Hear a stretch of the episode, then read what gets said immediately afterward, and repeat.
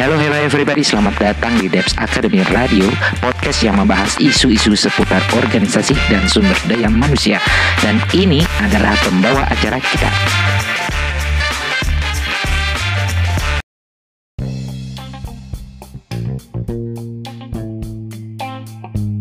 Halo, halo, halo, halo profesional muda Jumpa lagi dengan saya Surya di Debs Academy Radio Episode kali ini Debs Academy Radio akan membahas tentang alasan-alasan mengapa orang menentang atau menolak perubahan yang terjadi dalam organisasi.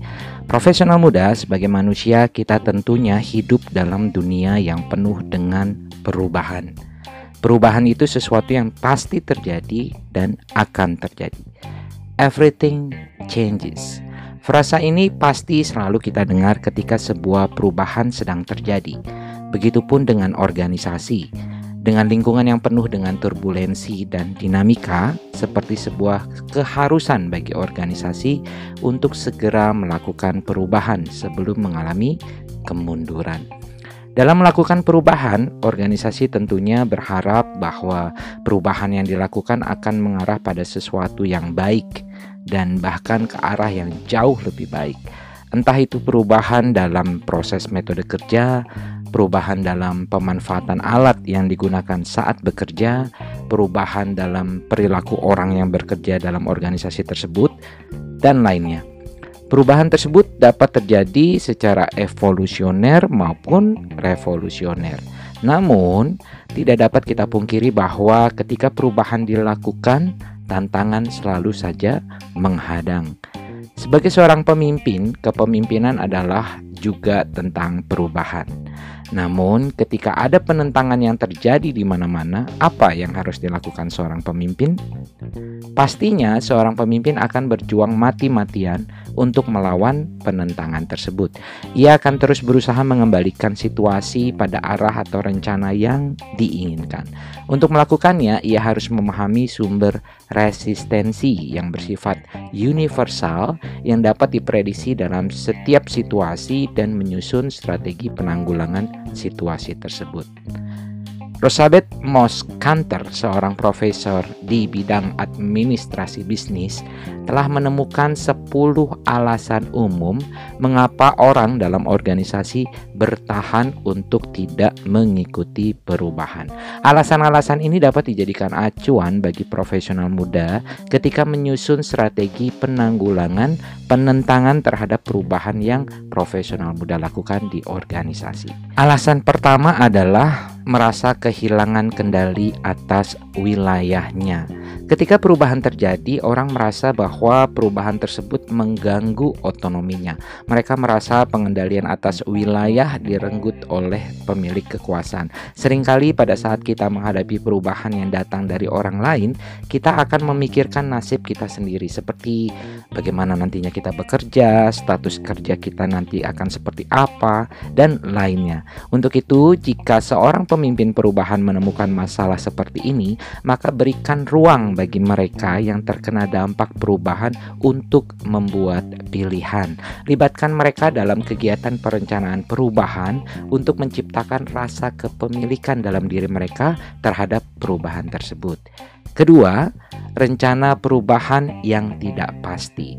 Jika sebuah perubahan dijalankan tanpa perencanaan yang matang, strategi kontingensi yang tidak jelas dan visi yang tidak menginspirasi, maka jelas orang akan menolaknya.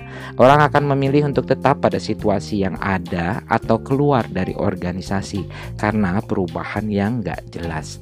Mereka membutuhkan rasa aman dan terinspirasi untuk mengikuti perubahan. Untuk itu, sebagai pemimpin perubahan, rencanakan perubahan dengan matang.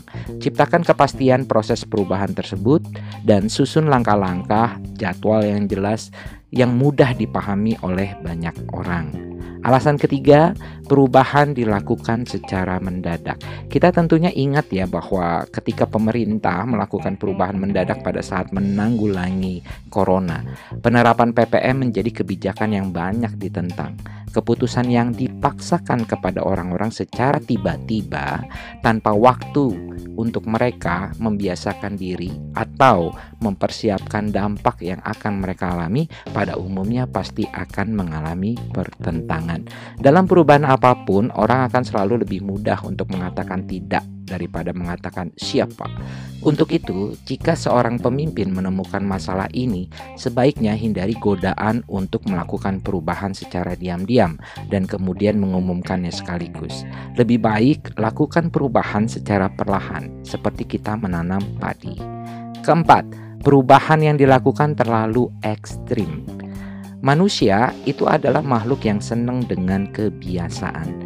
Sementara perubahan ditujukan untuk menciptakan sesuatu yang berbeda dari kebiasaan yang ada. Perubahan yang sangat ekstrim terkadang membuat manusia menjadi tidak nyaman. Terlalu banyak hal yang diubah pun justru dapat mengganggu orang-orang yang ada di dalamnya. Pada saat ingin melakukan perubahan, sebaiknya seorang pemimpin meminimalisir jumlah perubahan yang tidak terkait dengan adanya program perubahan yang akan dilaksanakan. Sedapat mungkin menjaga hal-hal yang sudah akrab di antara orang-orang tetap ada. Tetap fokus pada hal-hal penting dan hindari perubahan demi perubahan. Alasan kelima, takut melakukan kesalahan. Perubahan tentunya melibatkan orang-orang yang ada di dalam organisasi. Bahkan, dampak perubahan terhadap orang-orang tersebut dapat menyebabkan orang-orang itu diganti atau menjadi tidak lagi berfungsi. Jika perubahan yang kita lakukan memberikan dampak seperti itu, maka orang-orang tersebut cenderung akan bersikap defensif. Pada saat mereka melakukan perubahan yang diinginkan, mereka menjalankannya dengan penuh kekhawatiran akan melakukan kesalahan. Untuk itu, sebagai pemimpin perubahan, harus membantu orang-orang seperti itu dengan cara memperjelas bahwa dunia ini sudah berubah dan membantu mereka mempertahankan martabat dengan merayakan unsur-unsur masa lalu yang layak dihormati. Dengan demikian, mereka akan lebih mudah untuk melepaskan masa lalu dan melanjutkan ke hal-hal yang baru.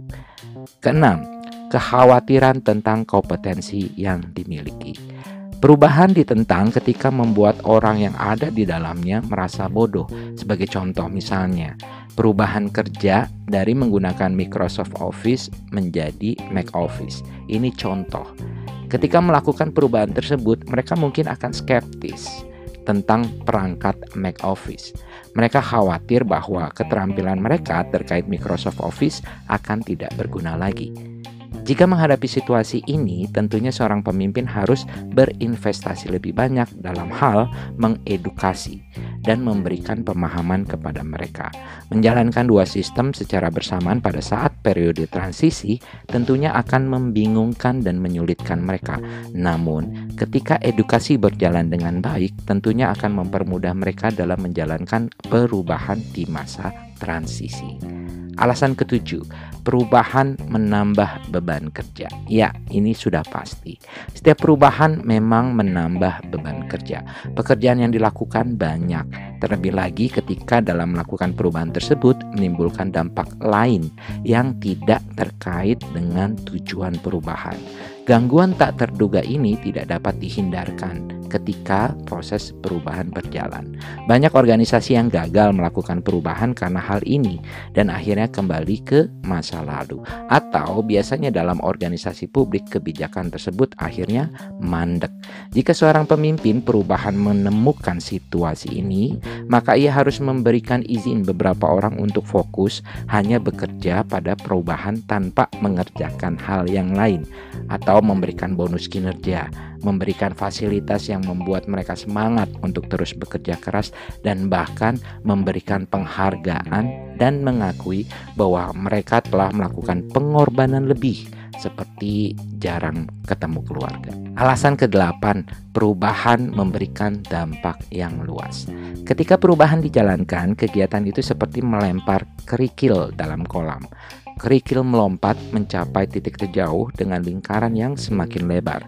Jadi, setiap perubahan pasti akan berdampak pada departemen lain, pelanggan, dan orang lain di luar usaha atau masyarakat sekitar. Jika mereka merasa tidak terkait, tentunya akan memberontak dan menentang kegiatan tersebut karena mengganggu aktivitas mereka. Jika seorang pemimpin menemukan situasi ini, maka ia harus memperluas jaringan pemangku kepentingan. Ia harus mempertimbangkan semua pihak yang terkena dampak dan bekerjasama dengan mereka untuk meminimalisir dampak yang terjadi. Kesembilan, perubahan dilakukan oleh orang yang mereka benci. Kebencian terhadap orang lain tidak dapat dipungkiri juga menjadi alasan mengapa orang tidak langsung mengikuti perubahan yang ada.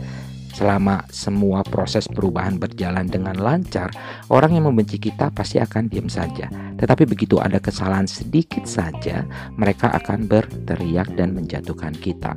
Untuk itu, seorang pemimpin perubahan harus mempertimbangkan gerakan orang-orang yang membenci kita ini untuk tetap bekerja sama demi perubahan ke arah yang lebih baik.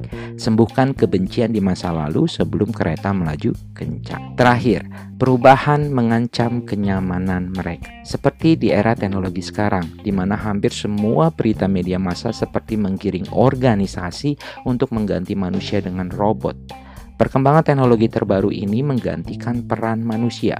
Pekerjaan yang mereka miliki akhirnya pun hilang untuk mendapatkan keuntungan efisiensi organisasi. Ancaman yang mengakibatkan protes massal ini tentunya memerlukan pemimpin yang jujur, transparan, cepat tanggap, dan adil.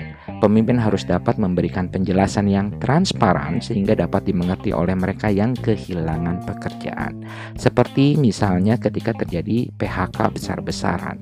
Dengan memberikan bantuan yang lebih untuk menggantikan sesuatu yang hilang itu jauh lebih baik daripada menimbulkan kecemasan dengan memutuskan kerja secara bergelombang. Nah, itulah alasan-alasan umum orang-orang yang menentang dilakukannya perubahan. Perlu diingat bahwa tidak semua perubahan yang terjadi akan menimbulkan kondisi yang kita inginkan atau menjadi jauh lebih baik. Tidak semua pemimpin dapat membuat orang merasa nyaman dengan adanya perubahan. Namun setidaknya pemimpin dapat meminimalisir ketidaknyamanan dari perubahan yang dilakukan. Tentunya mendiagnosis sumber penolakan merupakan langkah awal menuju solusi yang baik. Umpan balik yang diberikan oleh mereka yang berpotensi menentang justru dapat membantu pemimpin dalam meningkatkan proses mendapatkan kerelaan hati untuk menerima perubahan. Sekian dari saya. Jika ada yang diinginkan, silakan hubungi saya di email info at depth.co.id. Kami upayakan membantu profesional muda semua dalam menemukan solusi yang tepat, efektif, dan efisien. Selamat melakukan diagnosis dan terus berani menggerakkan perubahan. Sampai jumpa di episode berikutnya dan salam Debs.